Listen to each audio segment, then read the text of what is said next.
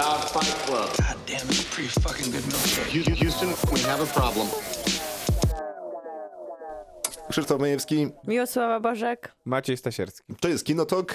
Z ważnych rzeczy to jest to, że jesteśmy na Facebooku, facebook.com ukośnik Kinotok. Jesteśmy na wszelkich możliwych platformach podcastowych. Najłatwiej nas znaleźć na Ankorze.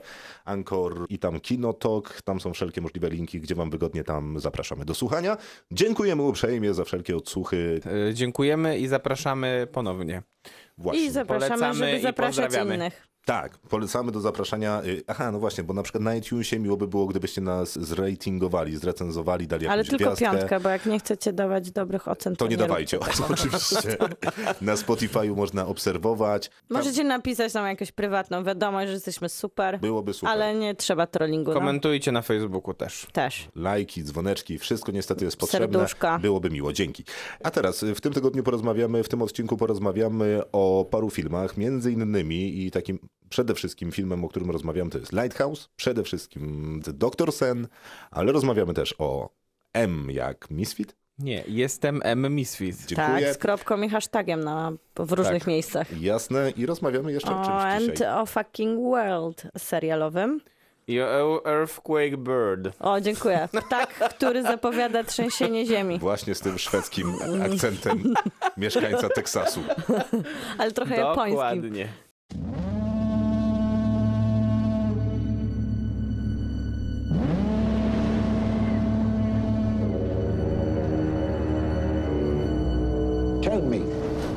How long have we been on this rock? Five weeks? Two days? Help me to recollect.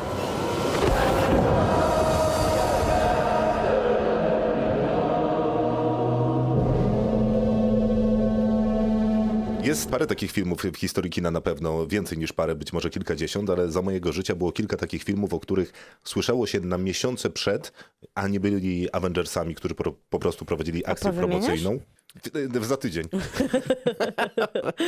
w każdym razie, no umówmy się, że Lighthouse jest takim przykładem filmu, który miał naprawdę hype turbo, zanim jeszcze pojawił się plakat. No tak, nie tylko w Polsce na American Film Festival, ale przecież najważniejsze, że w Cannes zaczął od wielkich, legendarnych kolejek po bilety i na seans.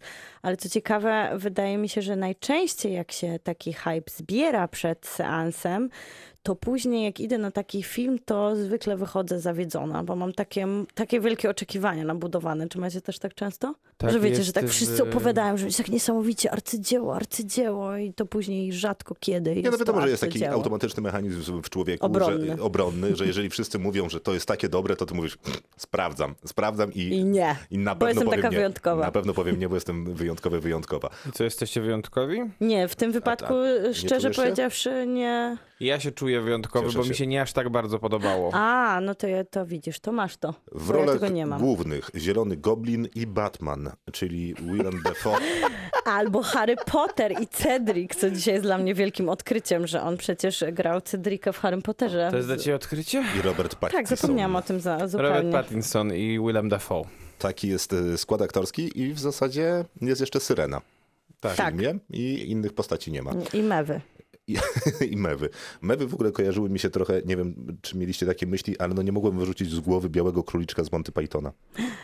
Ładnie. Nie, no to mi się jednak kojarzyły zdecydowanie bardziej z ptakami Alfreda Hitchcocka Mi też. i nie jest to zwykle z mojego punktu widzenia jakieś super pozytywne skojarzenie, bo ten film jest przereklamowany moim zdaniem, w sensie ptaki. To musisz te, takie odważne te. Od razu.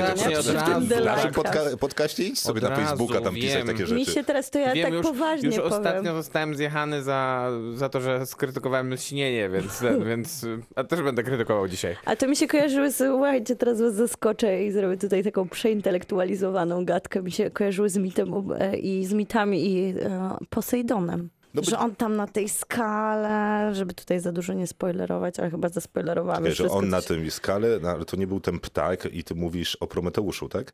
Tak. To nie były Po. Poseidon. Tak, powiedziałam Poseidona, chodziło mi o Prometeusza. Ja się zastanawiałem, jak jest mit z Posejdonem A, no. jeden. Poza tym, że jest w Gdańsku, w, że ten, tak, w centrum ma- miasta. No i jest dużo tego Posejdona tam poza mewami, jako sam Posejdon się pojawia przecież w wielkich poetyckich momentach, w których e, William Defoe daje taki, taki wzór po prostu prawdziwego marynarza, kiedy deklamuje wierszem wręcz różne opowieści o morzu, to tam padają Posejdony przecież. No dobrze, padają Ale Posejdony. chodziło, ale chodziło mi faktycznie nie o Posejdona, Prawda jest a taka, Prometeusza. Co jest według mnie w ogóle bardzo śmieszne akurat w Bawiło Lighthouse, cię to? e, te monologi Willema Dafoe. Ale pozytywnie cię bawiły? Tak, czy... tak, to akurat były te fragmenty, które, które doceniam bardzo, bo to są, bo to były takie, takie fragmenty, które spuszczały trochę powietrze z tego filmu. A nie mieliście też takiego wrażenia, jak były te momenty, w których on właśnie dochodziło do takich bardzo poetyckich, też zastanawiam się, jak to wyglądało na papierze, elementów, to gdzieś jakieś przywierała na myśl taka bitnicza opcja, gdzie ten alkohol później też wjeżdżał i takie w sensie mocne, bitnikowa. tak, takie mocne imprezy, gdzie poeci zaczynali po prostu wstawać i szaleć i on jeszcze, ten William Defoe z tym właśnie takim lekko wierszowaną narracją, tak się idealnie wpisywał w Że takie tak szalone czasy poezji. Nie wiem, nie byłem. Ale Co? trochę poczytałeś. Na bitnikowskich imprezach A. nie bywałem. No, przede wszystkim jako adaptacja naszego Henryka Sienkiewicza jest to udana proza. E, czy też udany film.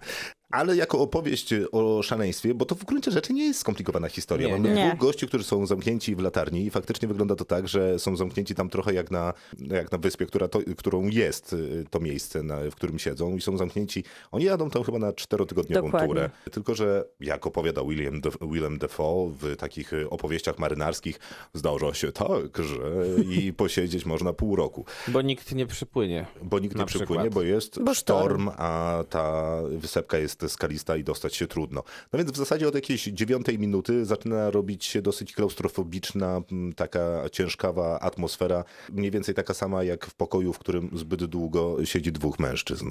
Nie wiem, czy wchodziliście kiedyś do takiego pokoju, Od razu też, co kojarzy się z takim Co to pokojem, jest to, za pokój, do którego wchodziłeś?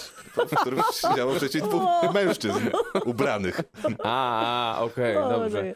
Oglądając ten film czułem, e, czułem tę klaustrofobiczną atmosferę, ale tak powiedzmy od 30 jednak minuty, 40 mniej więcej, bo dla mnie trochę ten początek był taki za wolny. Możliwe, że byłem zmęczony festiwalem też już, bo oglądaliśmy go wszyscy chyba na American Film Festival, ale te otwierające 30 minut, ta jakaś ekspozycja była troszeczkę dla mnie przeciągnięta i niepotrzebnie aż tak bardzo. Potem jakby wejście w to studium szaleństwa jest rzeczywiście interesujące i tutaj są nawiązania według mnie do filmu, o którym będziemy później rozmawiać, czyli do Lśnienia na podstawie Kinga, czy Lśnienia Stanleya Kubricka.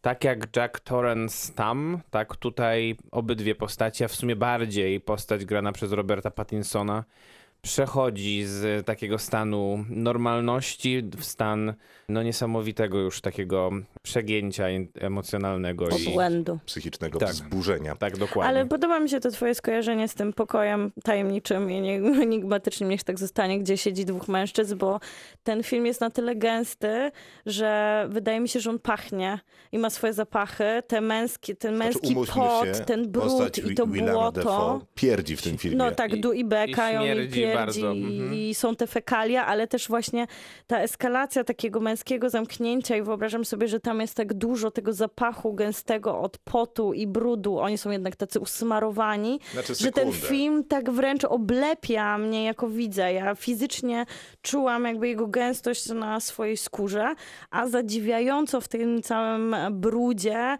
Robert Pattinson dalej wygląda sexy. To jest po prostu niezdrowe, bo oni są tam jednak w, przez tą grę świateł często tacy wykrzywieni, ich fizis jest takie niepokojące. Gdyby ktoś miał wątpliwości, film jest czarno-biały i kręcony w kwadracie. Ale też jest właśnie dużo tej gry światła, bo z jednej strony ona się bawi cieniem, który układa się w takie fantazyjne stwory i gdzieś to jest jakiś element takiej grozy, y, sama zabawa tego, co mogłoby się zdarzyć właśnie w ciemnym pokoju, gdzie już tak długo siedzisz, że nie wiesz, nie odróżniasz, co jest rzeczywistością, a co prawdą. Dlatego lśnienie to jest jedno skojarzenie, ale mi się kojarzyło też z The Thing albo z The Host z kolei, czyli z taką opowieścią, w której mamy tę grozę gdzieś tam wypisaną za plecami, ale ona się pojawia tylko w jakichś takich bardzo subtelnych gestach, gdzieś tam drobna macka upadnie, gdzieś tam zaskrzeczy złowieszczo mewa i na mnie to działa. W sensie to jest stary, bo bez problemu wymienimy pewnie jeszcze kolejne cztery tytuły i być może nieco zgrany sposób na strażenie i sposób opowieści, budowania atmosfery,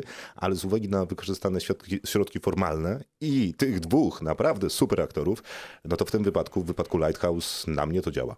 Tu jeszcze wydaje mi się, że super jest e, zabiegiem to, że ten kwadrat, w momencie jak się robi ciemno, to daje takie wrażenie na ekranie, myślcie to, że, że się powiększa ten ekran A, tak, i jasne. powiększa się mm. tam ten mrok, który tak naprawdę nic się nie dzieje, ale to daje taką niesamowicie głęboką wizualizację i ta przestrzenność też tak niesamowicie działa, bo albo wychodzi to światło i ono jest wtedy klaustrofobiczne, albo ta ciemność, która cię pochłania. I to daje też takie mocne wrażenie takiego opętania, które odczuwają, bo bohaterowie zamknięci na tej małej, wąskiej, ciemnej i mrocznej wysepce. Skalistej.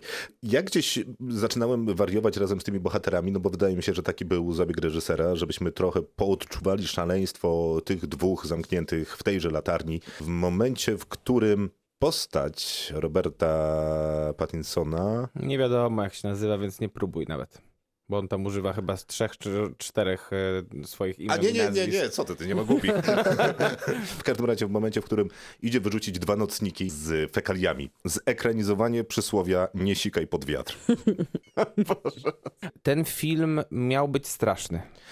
No nie, miała ci się udzielić psychoza. No okej, okay, no to to powiedzmy się udaje z mojego punktu widzenia tak e, od jednej trzeciej tego filmu w górę, więc jakby druga, druga część filmu, druga połowa filmu jest rzeczywiście moim zdaniem bardzo, bardzo udana i to wynika właśnie z tego, w jaki sposób ten film jest kręcony, w jaki ten sposób jest ten film jest udźwiękowiony. Ale też jak jest kadrowany. Jak jest kadrowany, mhm. jak jest zagrany. E, znaczy ja uważam tutaj, że jednak dużo większą niespodzianką jest wybitna rola Roberta Pattinsona. No ale oczywiście, że tak, no bo mimo, że on udowodnił wielokrotnie po zmierzchu, że potrafi, no bo przecież tak. siedział w tej limuzynie i siedział w niej świetnie u Cronenberga. No ale nawet w zeszłym roku Good Time, Good Time który oglądaliśmy też na Amerykan. No nie przepadam za tym filmem, ale no, ale rolę. też lubię, ale... High Life, e, którym też ma taką rolę, no Fatalny sam film, film. No, ale, ale jest ale eksperymentalny. Rola. Demzel też w zeszłym roku był. O tak, a to był taki Rover, to był komediowy Michoda film. przecież, E, którym e, grał właśnie na początku, jak przełamywał ten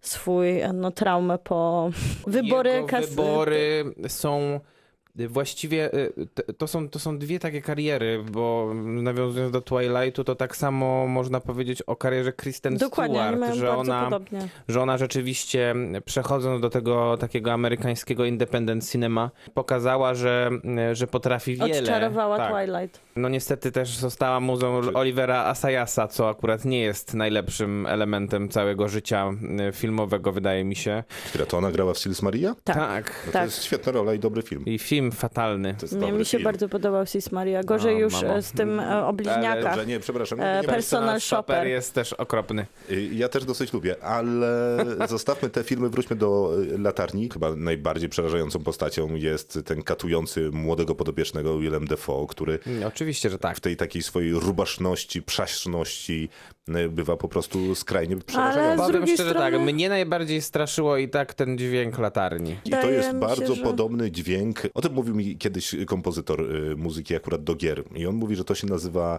trąby po prostu. I pierwszy raz wykorzy zostały wykorzystane w trailerze Incepcji. Mhm. E, to jest ten charakterystyczny Zimmer tam. No tak, tak.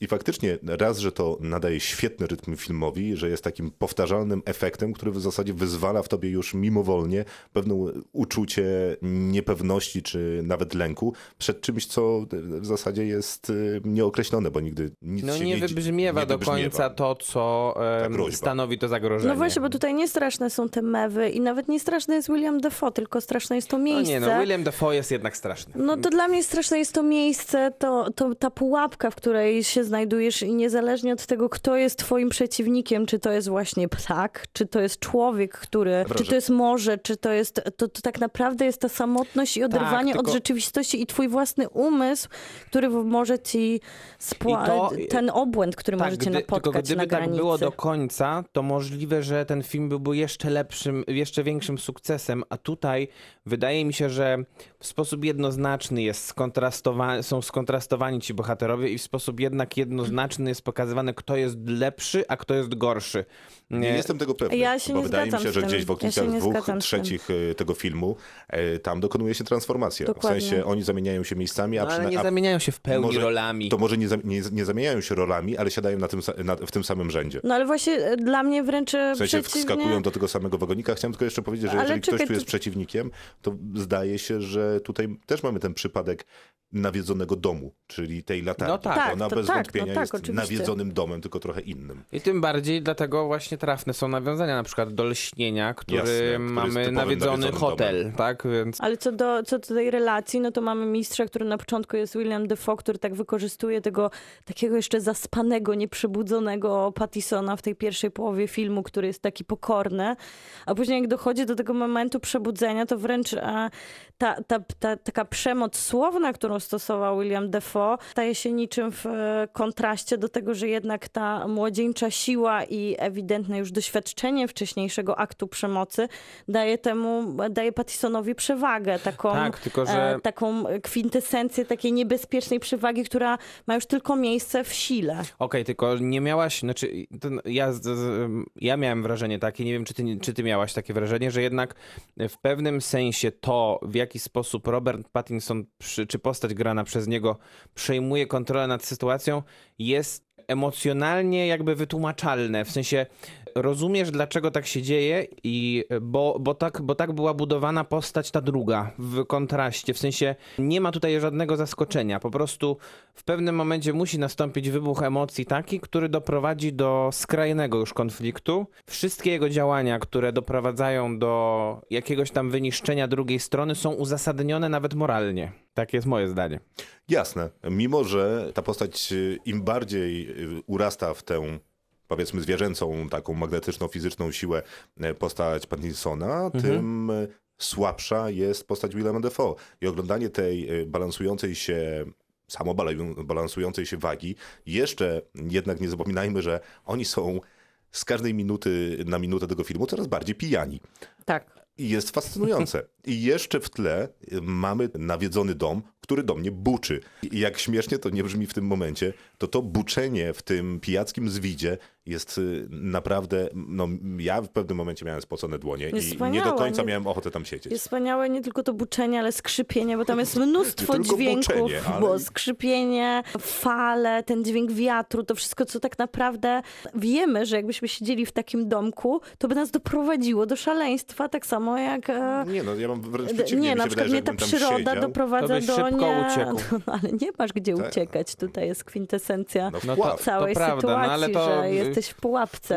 srebrcie. Pułapce Ale- albo nie w pułapce. Ale mówimy o tym nawiedzonym domu, ale przecież to nie jest wszystko. Tam jest jeszcze taki mocny symbolizm i oniryzm, bo to jest jak taki zły sen, że w pewnym momencie się gudzimy, gubimy, czy tak naprawdę to jest rzeczywistość, czy to już jest jakiś taki majak e, je, jednego z bohaterów, taki koszmarny sen. Pijacki I, te, zwit. I pijacki zwit, i na kacu e, u- jakieś e, przy okazji, bo tam są ciągle te momenty, albo jest, albo jest em, bycie Albo piją, nietrzeźwym, albo są na albo kacu. są na kacu, więc zawsze jest ten moment. I tam jest jeszcze ta oniryczna trzecia sfera, która też dodaje e, czegoś niesamowitego. I słuchajcie, uważam, że ten film bardzo łatwo by było, żeby stał się pretensjonalny, bo to jest bardzo cienka granica pomiędzy nakręceniem czegoś w kwadracie czarno-białego o szaleństwie. Nie wydaje mi się, żeby on akurat miał y, cienką granicę do bycia pretensjonalnym, Mógłby bo być wydaje mi się, że łatwo. akurat y, Nie, obie, no bo to gatunek taki to chyba nie, wydaje mi się. Do, ale znaczy ja przy całej swojej krytyce tego filmu jednak doceniam tą robotę i myślę, że Bardzo mi się podoba cała krytyka tego y, filmu w twoim wykonaniu. co aż taka była słaba. Dosyć, nie, dosyć, dosyć pozytywna. Tak naprawdę chwaliłeś cały czas. Aha, no to uznajmy, że z dystansu pochwalam. Nie, no naprawdę, y, na pewno jest to coś ciekawego, coś innego, świetnie zagranego, formalny, bez wątpienia Na majstersztyk. pewno lepszego niż to, co, o czym będziemy rozmawiać za chwilę. I was a kid, there was a place. A dark place. They closed it down and let it rot. But the things that lived there, back.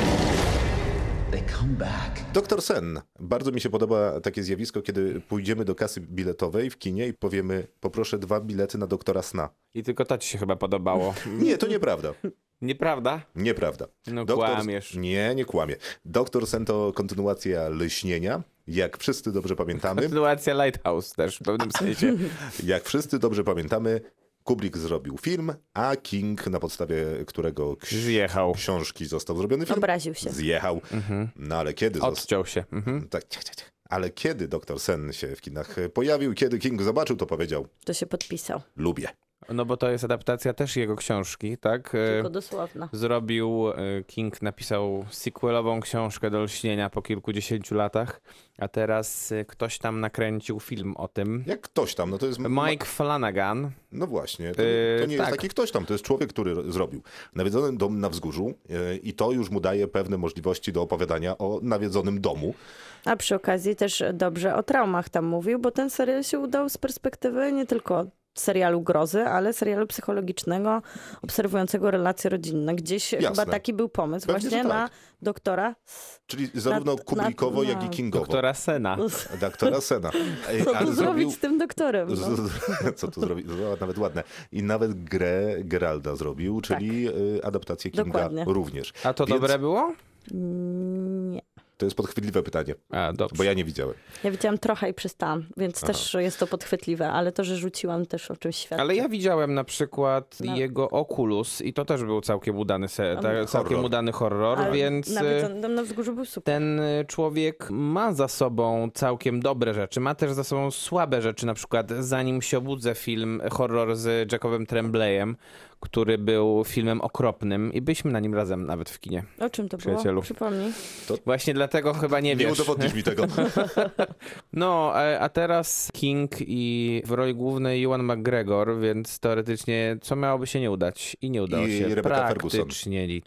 No ale książka się chyba nie udała, bo już e, sama książka była bardzo średnio przyjęta przez krytykę, więc można by powiedzieć, że materiał wyjściowy poza Kingiem, który lubi swój materiał, nie do końca się Wiadomo. podobał. Ja mam takie wrażenie, że człowiek y, w postaci reżysera, czyli Mike Flanagan, miał dosyć y, skomplikowane wyzwanie realizacyjne tutaj, bo musiał dokonać fanserwisu dla twórców Kinga, fanserwisów Checked. dla fanów Kubricka, Lśnienia dokładnie, i jeszcze musiał zmieścić gdzieś tam kawałeczek swojej historii i jakiejś y, swojej pieczątki.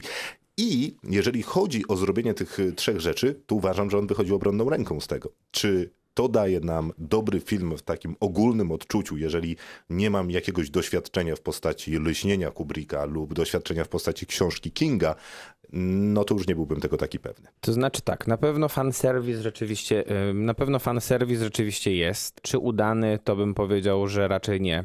To w jaki sposób uśmiecha się Mike Flanagan do fanów lśnienia, czy to filmowego, czy książkowego, jest po prostu strasznie takie mechaniczne, takie powiedziałbym prostackie wręcz momentami. Sama i cała wizyta w tym hotelu jest po prostu kompromitująco wyreżyserowana, naprawdę. Ten, y, to, to, ten cały epilog tego filmu, wyłączając wszystkie sceny z Rebeką Ferguson, jest, nie, jest absolutnie nieakceptowalny. Znaczy to jest wła- y, właściwie cały trzeci akt, y, Trzeci akt, tego tak, filmu. Dzieje się faktycznie w hotelu, który znamy z lśnienia i wracamy w zasadzie do tych samych pokojów, do tego Wracamy samego nawet baru. tymi samymi ujęciami, jedziemy samochodem. Jak y, to, to, to już naprawdę źle, źle wygląda, bo tak samo jak Todd Phillips robił, robił wycięcia z taksówkarza w Jokerze, tak tutaj Mike Flanagan wycina sceny, które, ma, które Stanley Kubrick pewnie wymyślał w swojej głowie, nie wiem, miesiącami i latami, a tutaj mamy po prostu wzięte tę kamerę i ona tak samo leci jak, jak w otwierającej scenie lśnienia. No to jest po prostu słabe, tanie, bez sensu. Tak. Natomiast nie byłoby takie złe i absolutnie nieakceptowalne, gdyby ten film miał coś, co miało lśnienie i co mają prawdopodobnie wszystkie horrory czy filmy grozy, które nie straszą w sposób bezpośredni. Czyli jak Lighthouse. Tak. Czyli Niepokój. film, który właśnie buduje atmosferę, buduje niepokój, buduje niepewność, coś z tyłu głowy drapie cię przez cały film i z niewiadomych powodów Wiesz, że coś tam jest, masz ale nie ochotę wiesz co. wiercić się na fotelu w kinie. Ten film tego zupełnie nie ma. Nie ma, no bo nie zaczyna ma. się jak taki społeczny dramat. Otóż Ewan mamo. McGregor, czyli Dan Torrance, to jest właśnie ten doktor Sen. 40 lat minęło. 40 lat minęło jak jeden dzień. Z... Dla niego zapewne w tej maligmie, W tej traumie. Tak, bo jest alkoholikiem, przyjeżdża do małej miejscowości, tam wyciąga człowiek do niego rękę i on walczy z alkoholizmem. I w gruncie rzeczy no nie ma tu nic z horroru. Poza tym, że faktycznie on tam ma skrzynki w umyśle, w którym zamyka kolejne Nie, i- stwory, I poza tym, że dziewczynka lub nie wiadomo kto pisze do niego na ścianie. czyli filmowa Abra. Tylko, tylko pisze do niego najpierw e, po Całkiem raz jak Stranger pierwszy. Things, tylko tak. bez, y, Bez żarówek. światełek. Pisze do niego na początku, jak on przybywa do tego nowego miejsca i po raz kolejny nie wiadomo dlaczego pisze później. do niego po ośmiu latach. O, i nie jest to wytłumaczone. I nie jest to wytłumaczone, on tylko mówi, że dawno się nie widzieliśmy. Po czym, po czym nagle fabuła. Ale wcześniej napisałeś się coś rozpa- więcej niż, Nie, e, tylko hello. hello, and hi. To, to, Hello. to była cała konwersacja Tak, przez w 8 o, lat. w o był uśmieszek. To jest Tak, i w. Morning Nie wiem. też był potem uśmieszek. A potem fabuła na, na, nagle zaczyna skręcać w stronę jakiegoś, jakiejś takiej metafizyki, gdzie mamy postaci, które żyją, ale nie żyją. Żywią się tym lśnieniem, czy też tą To by- parą wychodzącą z umierających ludzi. Jest to tak głupkowate Dzieci też przy okazji i tak słabe.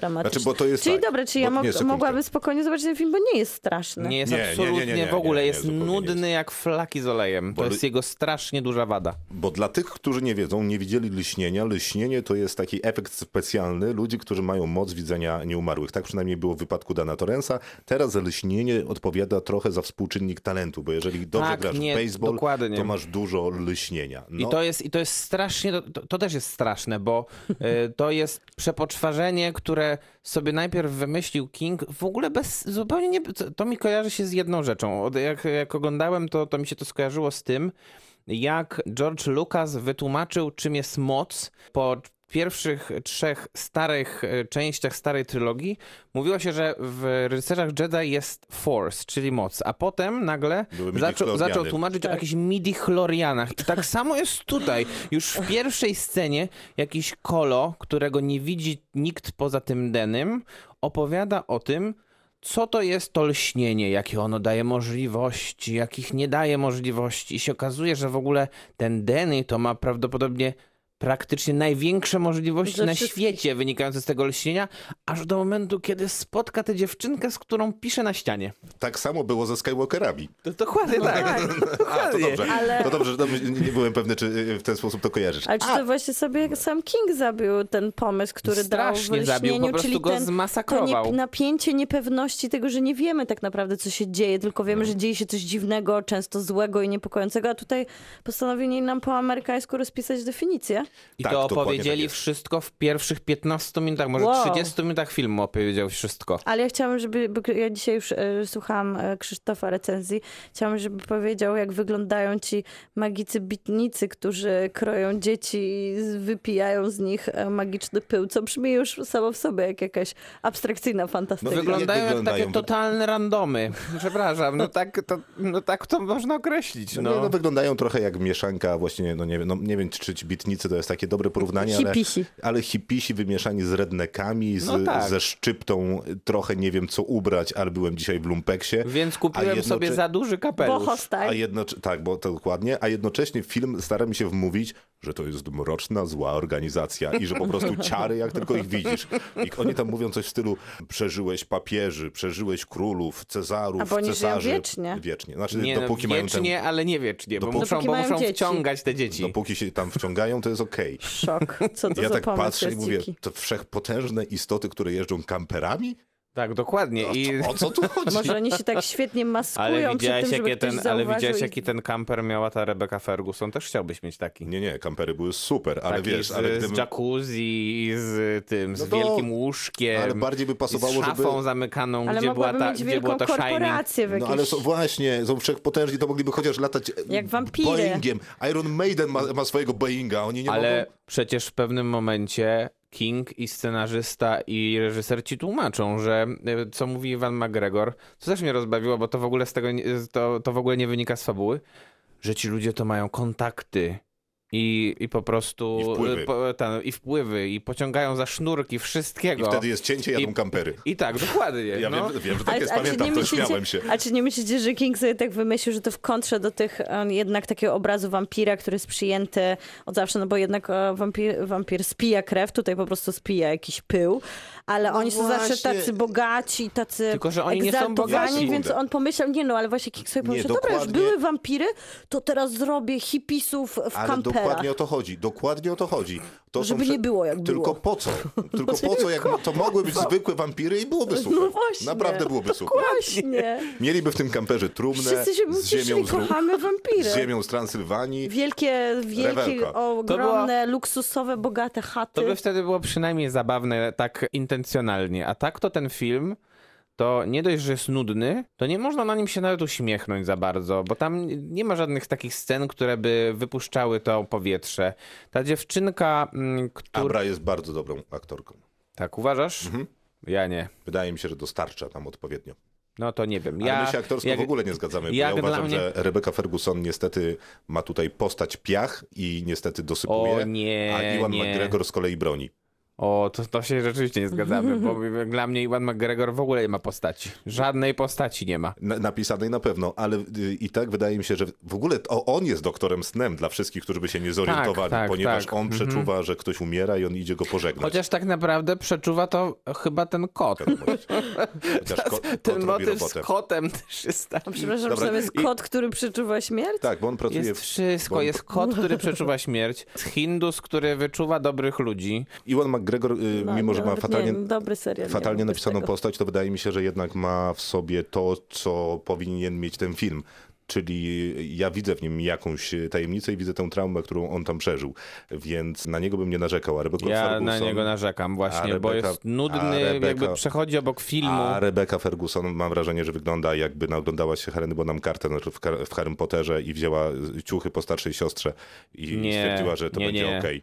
Nie, ona po, po, pierwsze, po pierwsze ona tutaj jest takim wilynem, jakim powinna być na przykład Kate Blanchett w Thor Ragnarok, bo ona jest tutaj charyzmatyczna i ciekawa i właśnie... Znaczy, w I- czym jest ciekawa? W siedzeniu po turecku na dachu kampera? Nie, w, we wszystkich kurczę rozmowach, no daj spokój. A ty Przecież, słyszałeś te rozmowy? no, roz, a nie mówię, że to były mądre rozmowy, ale, To, to, ale tam ona... jest tyle ale ona aktorskiej, co, potra- między, co między mną a tobą w tym no nie momencie. przesadzaj. Ona potrafi proszę jednak, ona potrafi jednak jak wygłaszać te swoje nawet najgłupsze wypowiedzi. No to jest bardzo dobra okej, aktorka wyg- przecież. Wygłasza i, i to nic I nie zmienia. świetnie to robi. Absolutnie w niczym to nie pomaga. No nie wiem, to jeżeli, jeżeli tak podchodzisz, to nic ci się nie powinno podobać w tym filmie. Jak ja, jak ja bym tak podchodził, to bym, to bym wystawił temu filmowi z 0 na 10, bo on, bo on w ogóle nie ma nic ciekawego w sobie. No nie jest to znowu takie bardzo odważne podejście. No, no nie wiem, patrząc na recenzje amerykańskich krytyków, którzy wychwalają ten film, No proszę. to mam Ale wrażenie, co oni w że nim znajdują? nie mam pojęcia. No ale to jest trochę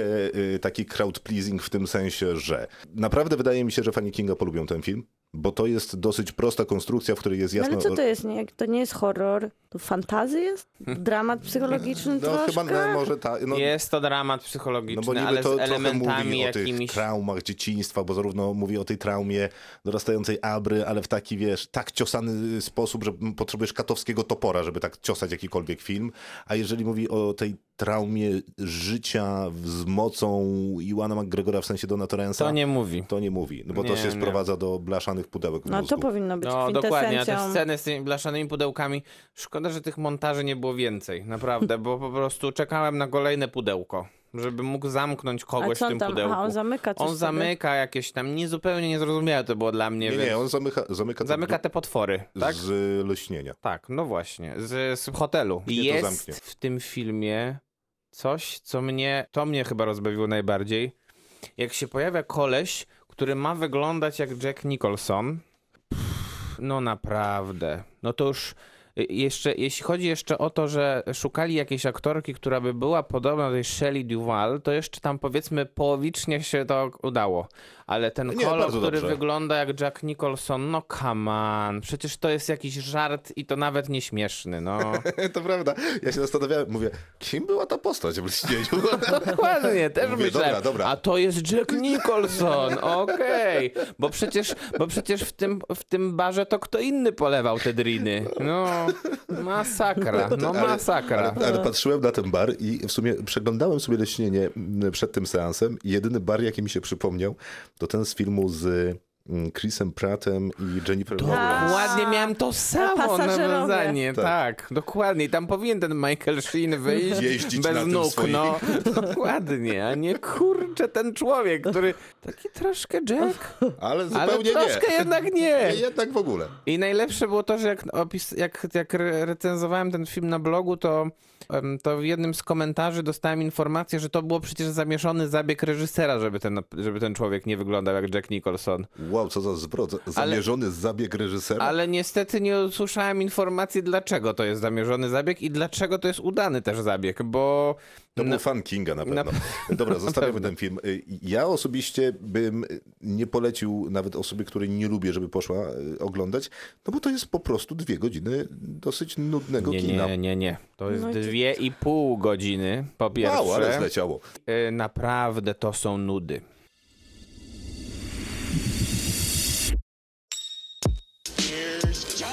Do not talk about Fight Club. God damn, it's a pretty fucking good milkshake. Have a problem.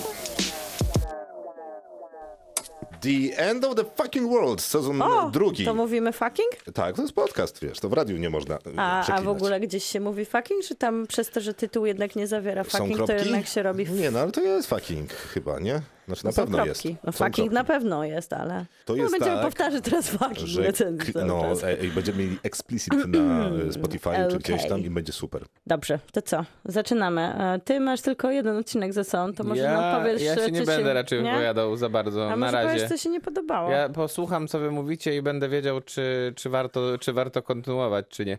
W sensie... I pół godziny e, później. e, Powiem tak, e, po tym pierwszym odcinku, że będzie można o tym serialu mówić tak jak... To, to jest ciekawa rzecz. Kiedyś na Oscarach przyznawana nagroda za kostiumy i wyszła Emily Blunt i Anne Hathaway. I Anne Hathaway powiedziała, że Everything sounds better with a British accent. I tutaj wszyscy oni mówią British accent i to jest jedyna rzecz, którą zapamiętałem z tego pierwszego odcinka, bo nic innego tam nie było interesującego dla mnie. Jakiś socjopata morduje zwierzaczki, drugi jakaś, jakaś dziewczynka, nie wiem, też socjopastycznie podchodząca do życia i y, to ma być jakieś takie crazy coming of age, czy, czy ja źle w ogóle myślę o tym? No to zacznijmy od tego, że to jest, to jest e, serial, który w pierwszym sezonie, którego ty nie dooglądałeś, a którym, o którym my już trochę dawno zapomnieliśmy, bo to dwa lata temu miał premierę, to jest serial na podstawie komiksu.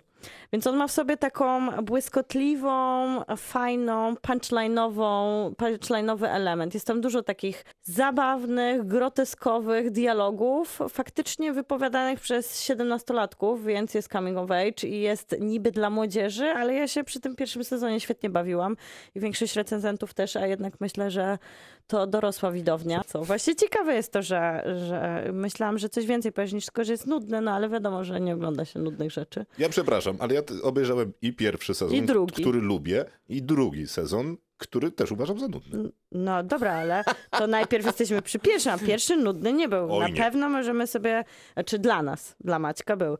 No ale mamy tam tą powieść e, graficzną, czyli komiks, więc jest też zwięźle 25 minut odcinek, co jest super formatem, dosyć nieklasycznym na Netflix, który potrafi zabijać 50-minutowymi odcinkami przez 13 Epizodów. epizodów Ale co to amerykańska telewizja nie kablowa, czyli nie, nie, nie streamingowa, to potrafi Wszystko. zabijać Wiadomo, 24. 24 Dokładnie, odcinkami po klasyk na 45 sezon. minut. Jasne, ale Ale mówimy to tutaj wszystko- jednak o trochę nowszej telewizji, o streamingowej telewizji, o Tak. jakościowych serialach. No i tu mamy Netflix i Channel 4 współpracujący razem. Mamy ten komiks o tym samym tytule i on się skończył przy drugim sezonie. I tutaj już tylko została scenarzystka, która się nazywa Charlie Kowal i ona pisała scenariusz do pierwszego sezonu, a teraz trochę, jak dzisiaj Krzysztof ładnie powiedział, taka gra o tron, że już nie ma komiksu, więc napisała ten drugi sezon sama, ale na szczęście nie gra o tron, bo napisała go dobrze. Bo No, nawet jak się. Nawet nie sądziłem, że takie ładne. No mi się spodobało, bo teraz chyba wszystko, co będzie pisane po książce, to już będzie gra o tron. Tak, w sensie prawda. Serialowo. No, Tak się stało, że wyprzedzili Martina i zostaną częścią historii. A tak a propos, Znaczy Martin dalej nie napisał. chlubnej. Tak, tak, A wiadomo. dzisiaj wyciekła informacja, że zostało Nie, na... nie robimy tego. No, Proszę dobrze. się skupić na serialu. Dobrze, dobrze. Masz rację. No i co? I mam... nie będziemy przypominać, o czym był ten pierwszy sezon. No nie, w skrócie jest tylko tyle, że facet, y, czyli James, Młody, ma 17 17 lat, lat. i jest psychopatą, y, albo ma najlepsze y, zapatrywania. Jest. na Jest, Nie, on nie, jest jest. psychopatą. On To jest nawet ja psychopatą. wiem. Ona nie, nie jest, bo ale... on, on mówi, że jest, ale to wiesz. No to my wiemy już Ja po mówię, że jestem oglądaniu przystojny i co? odcinka. No i prawda. A, i dziękuję. A, bardzo proszę. Dobra, ujmijmy to tak. Bardzo chciałabym być psychopatą. Jest Alysa, która jest buntowniczką. Tak. A w sezonie drugim, ja już cytowałem ten fragment, okazało się, że wszyscy go cytują, jest mi Tak. trochę smutno z tego powodu, ale Alysa mówi, Może dlatego, że, jest najlepszy, słuchaj. Nie, Może. masz, nie ma się to wstydzić, że... Ale myślałem, że tylko ja jestem do- taki bystry i dobry gust, spostrzegawczy. słuchaj. w wieku 19 lat wychodzi za mąż i mówi, że w Za wieku... niego? Nie. Nie.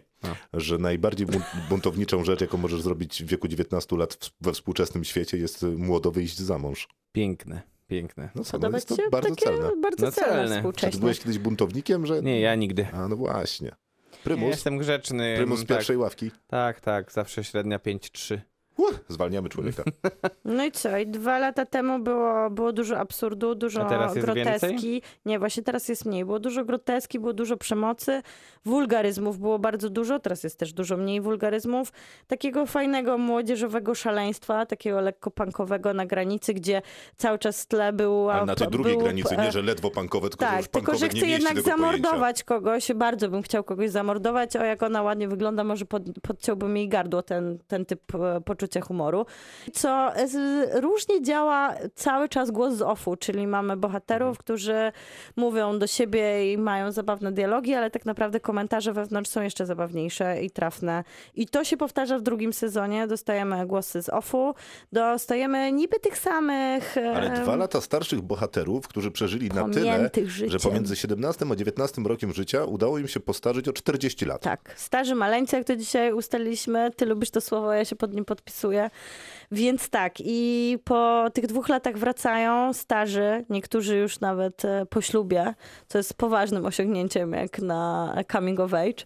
No i pytanie po co, bo no trzeba powiedzieć bez spoilerów, że pierwszy sezon kończy się bardzo spójnie, kończy się też bardzo definitywnie na kończy się i kończy się też jego materiał, bo komiks jest wyczerpany, więc historia jest świetnie napisana, spójna, 8 odcinków, nie zmęczyliśmy się 25 minut, w sumie długi film, mogliśmy się zaprzyjaźnić, ale też spokojnie możemy się rozstać i nagle po dwóch latach Netflix zaskakuje tym, że chociaż naprawdę nie ma o czym już opowiadać, bo wszystko się tam wydarzyło, daje nam drugi sezon z nienacka. I to jest ten przypadek, kiedy jest serial, który ma dużą grupę fanów Mhm. i oni absolutnie nie proszą o drugi sezon, a i tak go dostają. Co w wypadku na I przykład przyjmują z dobrodziejstwem Sense8. inwentarza, czy nie? Tak. Na przykład Sense8 były pisane petycje i dostaliśmy tylko dwie godziny, a nigdy nie dostaliśmy czwartego sezonu. jest mój czwarty Gdzie sezon? jest mój czwarty Release sezon? the Snyder Cut. Dokładnie. Chociaż HBO zrobiło leftovers trzecich, więc czasami warto pisać petycje. Okej. Tu E, nikt petycji z tym, nie z- pisał. Z tym serialem, który nie wiadomo po co powstał i nikt go naprawdę nie chciał, a już na pewno nikt go niego nie prosił, jest trochę tak, że on opowiada nam po raz drugi historię pierwszego sezonu, tylko trochę z innej perspektywy i z innym bagażem tej dwójki bądź co bądź interesujących, ale już uspokojonych bardziej e, bohaterów. Można by nawet trzecią... uznać, e, że straumatyzowanych. Tak, na pewno. I mamy trzecią postać, y, która dołącza do zestawu, która ma być tym kołem zamachowym, czyli tym pytaniem, czy ktoś zginie, czy ktoś nie zginie, bo tak też było w pierwszym sezonie. Czy jednak James tylko będzie myślał o tym, że jest psychopatą, czy faktycznie zrealizuje te swoje mroczne marzenia. A tutaj y, pytanie brzmi, czy oni padną ofiary kogoś, kto został skrzywdzony. I dlatego wydaje mi się, że pierwszy sezon był o tyle ciekawy, że mieliśmy tam tę stawkę. Czy to się wydarzy, czy nie wydarzy, jakie będą konsekwencje tego czynu. A tutaj stawka jest nieznana, bo wiemy, że to, co ma się, czy też mogłoby się wydarzyć, się nie wydarzy, bo być może chcemy, potrzebujemy trzeciego sezonu, więc to jakby zbyt definitywnie zamykało Tego na pewno nie serial. będzie. Ale to chyba jednak jest coś innego. bo Wydaje mi się, Może. że pierwszy sezon był świeży nie, nie tylko dlatego, że tam ta, e, mieliśmy to napięcie, czy wydarzy się, czy nie wydarzy. Był świeży, bo wprowadził coś bardzo błyskotliwego, zabawnego, zwłaszcza do, te świata, do tego świata seriali dla młodzieży, które są często bardzo oklepane, czyli albo bardzo naiwne i cukierkowe, albo za bardzo wykręcone, pełne Sex education, seks, e, scam, e, skinsi, ale one są skinsi, właśnie z drugiej strony misfits. tak. Ile jeszcze razy można mówić, że Ale seriale dla młodzieży są One nudne, mówią, z, złe, one mówią bardzo określonych problemach dotykających młode, młodzieży, o czym nie mówi The End of Fucking World. On, On mówi, mówi psychoza. Nie, nie, no mówię o problemie, który chyba jednak jest nieistniejący. nieistniejący, on się trochę jest śmieje tak prze- z takiego... już tak przesy- To jest przerysowany. e, krzywe zwierciadło, groteska. Bardzo to poważne jest, e, problemy młodzieży. One się, one się pojawiają w pewnym momencie, problemy? bo ta trauma Dalej dziś się... dl- Dlatego myślę, że był świeży, nie dlatego, że była ta zagadka, tylko dlatego, że dawał coś nowego młodzieży, a ten drugi sezon nie daje nic nowego i Bogu dzięki, że się nie stara zrobić tego efektu wow. I też trochę nie chodzi o to, czy zostanie ktoś w końcu zadźgany, e, czy komuś gardło zostanie poderżnięte, tylko tu jest na poważnie. Tutaj jest pokłosie tej przemocy, o której mówił pierwszy sezon, a z drugiej strony dalej coś, co jest bardzo ważne dla obu, czyli miłość. Mamy teraz jeszcze dyżurną e, część tego podcastu. Pracujemy nad nazwą Robocza to śmietnik. Mi się podoba. I nie jest pejoratywna w tym sensie, że rzeczy, które tu trafiają nie są złe, chociaż dzisiaj będą. Tak, chyba wszystkie, ale zacznijmy od waszej, bo wy macie coś Netflixowego Tak, chyba. mamy Netflixowego. Nazywa się Earthquake Bird. Albo uwaga, ptak, który zwiastował trzęsienie ziemi. To jest tytuł polski? Aha. Wspaniały. O czym to jest i kto gra? Wspaniałe, prawda? Gra Alicia Vikander. Co najważniejsze. Uuu, to Gwiazda również. Akurat. To prawda. wspaniale. E, Em, Tylko powiedz mi, mm, w jakim dobrym filmie Alicia Vikander zagrała po tym, jak zdobyła Oscara? Powiedziałbym więcej, ona nie zagrała w dobrym filmie nawet jak zdobyła Oscara, Zagrała, więc... tylko nie dostała Tylko nie w tym właściwego filmie, tak, Oscara. I tutaj Dokładnie. się wszyscy zgadzamy. Dajcie jej właściwego Oscara. Dokładnie. Mówimy... Jak Scorsese dostał Oscara za infiltrację, a nie dostał za Goodfellas i Taxi Driver tak i jak ten... Leonardo DiCaprio. Za Dostał najgorszą swoją Za rolę. walkę z niedźwiedziem. Alicia Vikander nie dostała Oscara za Ex Machinę Ale dostała Garlanda. za Danish Girl.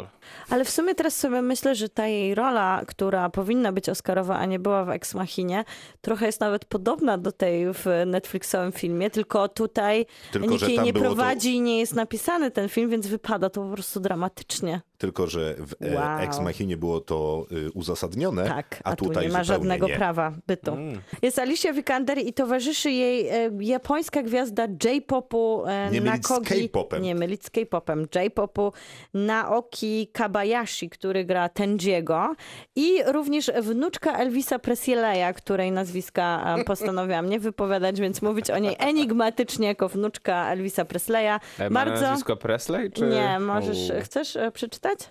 Hmm, Momencik. Momencik. Riley Keough.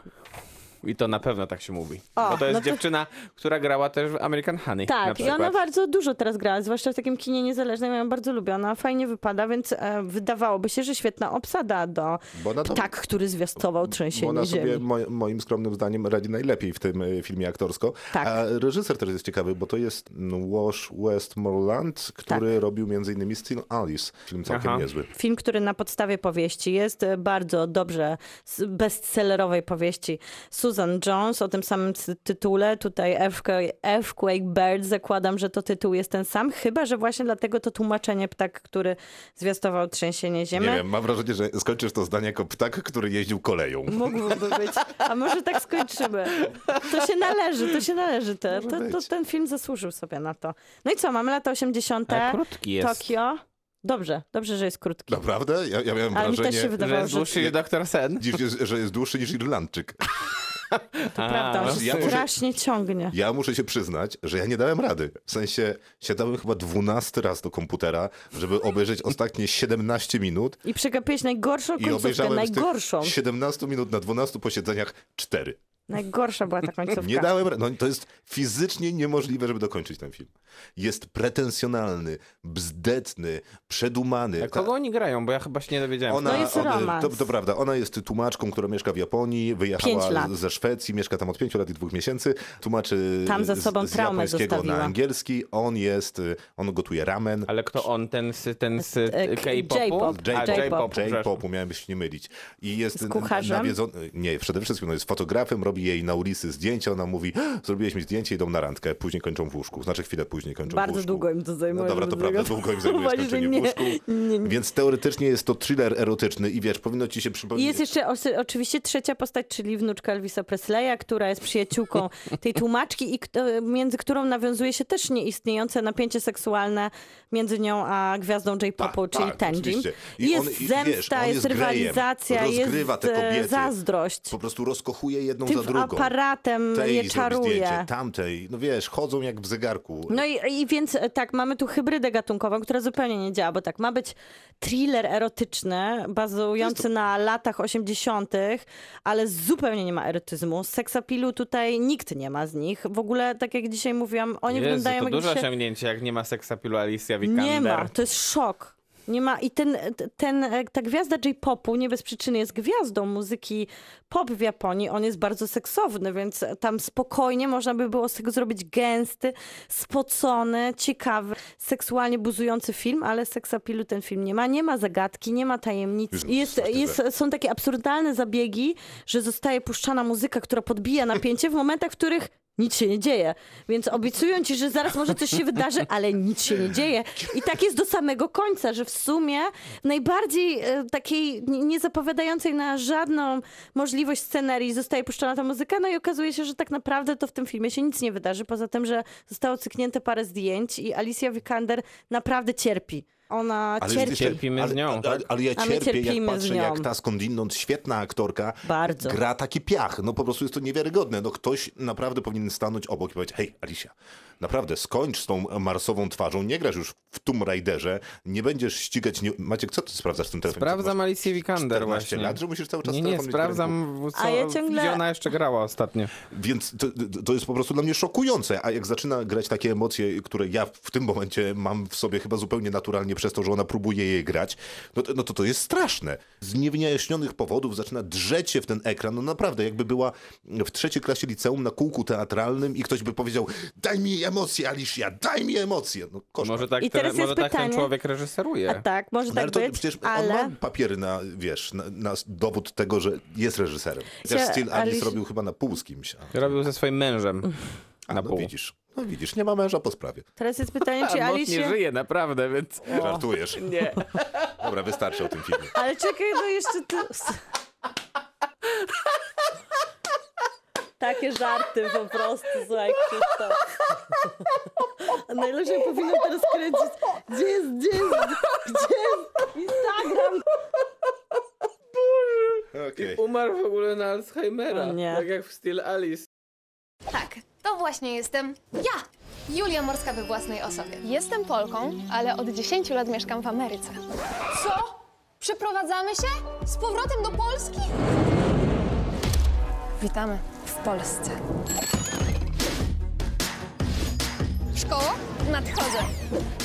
M jak hashtag Misfit. Maciek Nie. był Nie, odważny znam człowiek. Hashtag jestem m.misfit. O, widzisz, to jest bardzo trudny film pod względem też tytułu. Był odważny człowiek, obejrzał Był. film. Dobra, czy to jest okej?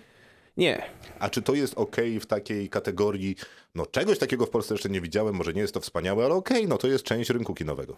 To jest y, produkt taki filmopodobny, który jest skierowany tylko i wyłącznie do widzów tych youtuberów, którzy ten film, który, w którym tym filmie Mogę grają. pytanie? Ja też te pytania. Proszę. W takim wypadku, czy lokowanie produktu w tym filmie to A. Sieć telefoniczna, B.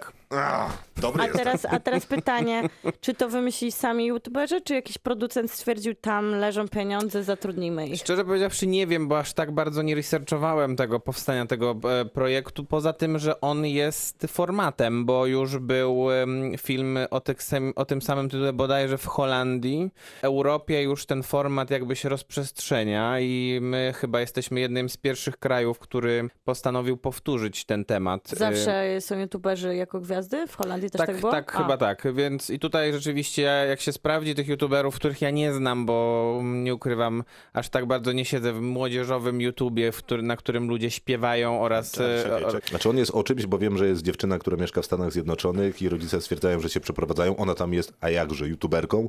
Przyjeżdża do Polski, no i zostaje tutaj jeszcze przed Kazimierzem Wielkim, wszystko drewniane. To jest taka przefoczwarzona, jakaś dziwna wizja szkoły, która zdecydowanie bardziej przypomina coś takiego, co było na przykład w takich filmach jak Mean Girls, czyli takich komediach młodzieżowych amerykańskich, gdzie Które rzeczywiście są.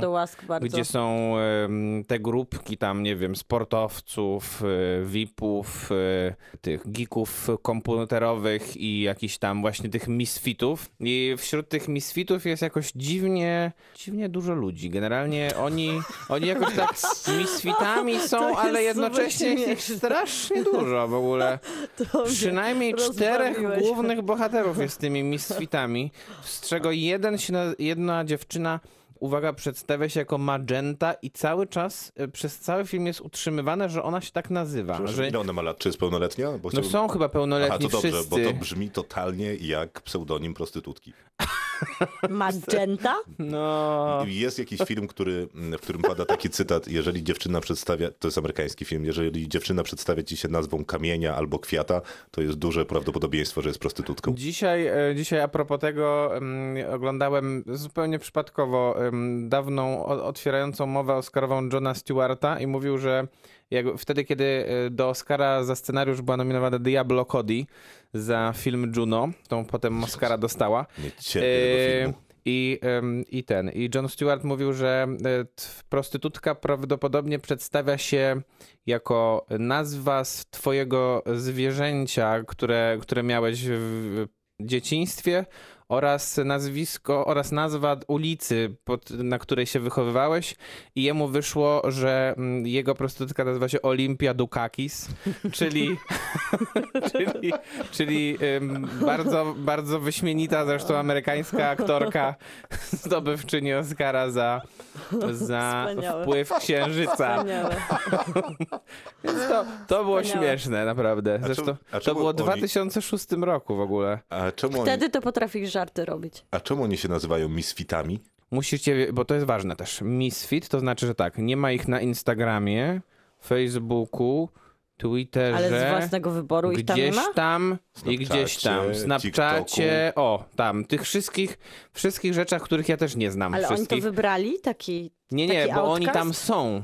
Tylko, że nie dostają lajków. Tylko, że tak się nazywa ich po prostu. I taką, taki label, że tak powiem, dają im ci te VIPy.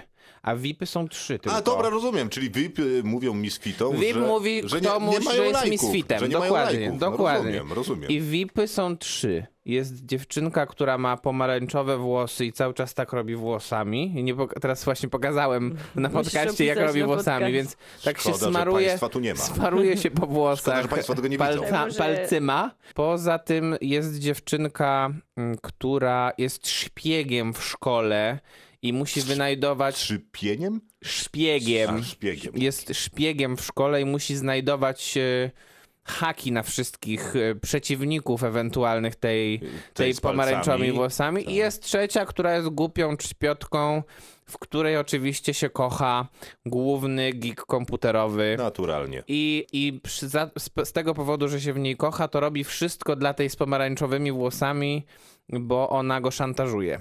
Aha. Że e, szantażuje go, uwaga, gumką do włosów. I tak, i to jest część fabuły. Druga część fabuły polega na tym, że syn y, dyrektora szkoły, którego gra nie kto inny jak Tomasz Karolak, jest, y, należy do grupy sportowców i nie potrafi zdać języka angielskiego. Więc Któryś z informatyków włamie się do nie, internetowego nie, nie, dziennika? A, nie. Więc dziewczyna, co, co to jest w moim studiu? No chciałam tutaj nagrać Insta Story, przepraszam. Na Misfits nie ma lepszego momentu, żeby nagrać Insta Story. więc dziewczyna, O która przybywa ze Stanów, Wyłącz ten dźwięk. No właśnie już. Więc dziewczyna, k- oczywisty sposób, dziewczyna, która przybywa ze Stanów, zna angielski w sposób wybitny. Tak? I tak wchodzi- Więc ona go No uczy, tak. a cel jest taki, że ona go nauczy, on dostanie tą truję i ona dzięki temu wygra szkolny konkurs Mam Talent, w którym nagrodą jest stypendialny wyjazd do Ameryki na rok. A, I musi Jest to i chce wrócić do Ameryki, ale w pewnym momencie stwierdza, że jednak ona rzuca ten deal, że ona nie chce taki, tak, tak robić. Ona chce uczciwie, bo ona się zakochuje w chłopcu, który nie tym, potrafi. angielskiego? Nie, w innym, w tym, który, takiego, w tym, który jest jednym z misfitów U. i który nie potrafi dokończyć piosenki. A mówi Ale długo, no to deal, jest no bardzo- deal, Tak, dokładnie. no deal. I w pewnym momencie A czy oni mówią tam po angielsku? ta Właśnie pani tak, że... y, w pomarańczowych włosach postanawia ją skompromitować i uwaga, dzięki pomocy tego geeka komputerowego wykrada nagranie z em, gabinetu dyrektora, podczas którego ten, do tego dealu dochodzi. To jest trochę jak ten, jak e, przesłuchania w e, impeachmencie Donalda Trumpa teraz, Jak- że jak tutaj rozmowa nagrania... Do... Dokładnie. I... Ale potem się okazuje, że jednak ona spreparowała to nagranie. Dobra, wystarczy. Y, Czy to jest 1 na 10? Jest, jest, takie No, okej. mocne, jeden na dziesięć. Solidne nie? 1 na 10. Bo Ale to jest wszystko nadal. takie kuriozalne strasznie, w sensie te sceny, które mają być poważne są kuriozalne i no i tak to wygląda. To wszystko, co przewidzieliśmy na dzisiaj, więc za tydzień. Tak, za tydzień Le Mans 66, Irlandczyk Na noże. i na noże. To z filmów. Potwór z bagien, Swamp Thing. Więc zapraszamy serdecznie na Spotify, iTunesa, Google Podcast i wszędzie, gdzie tylko macie ochotę posłuchać tego podcastu. Dzięki serdeczne. Do usłyszenia. Dzięki. Do usłyszenia.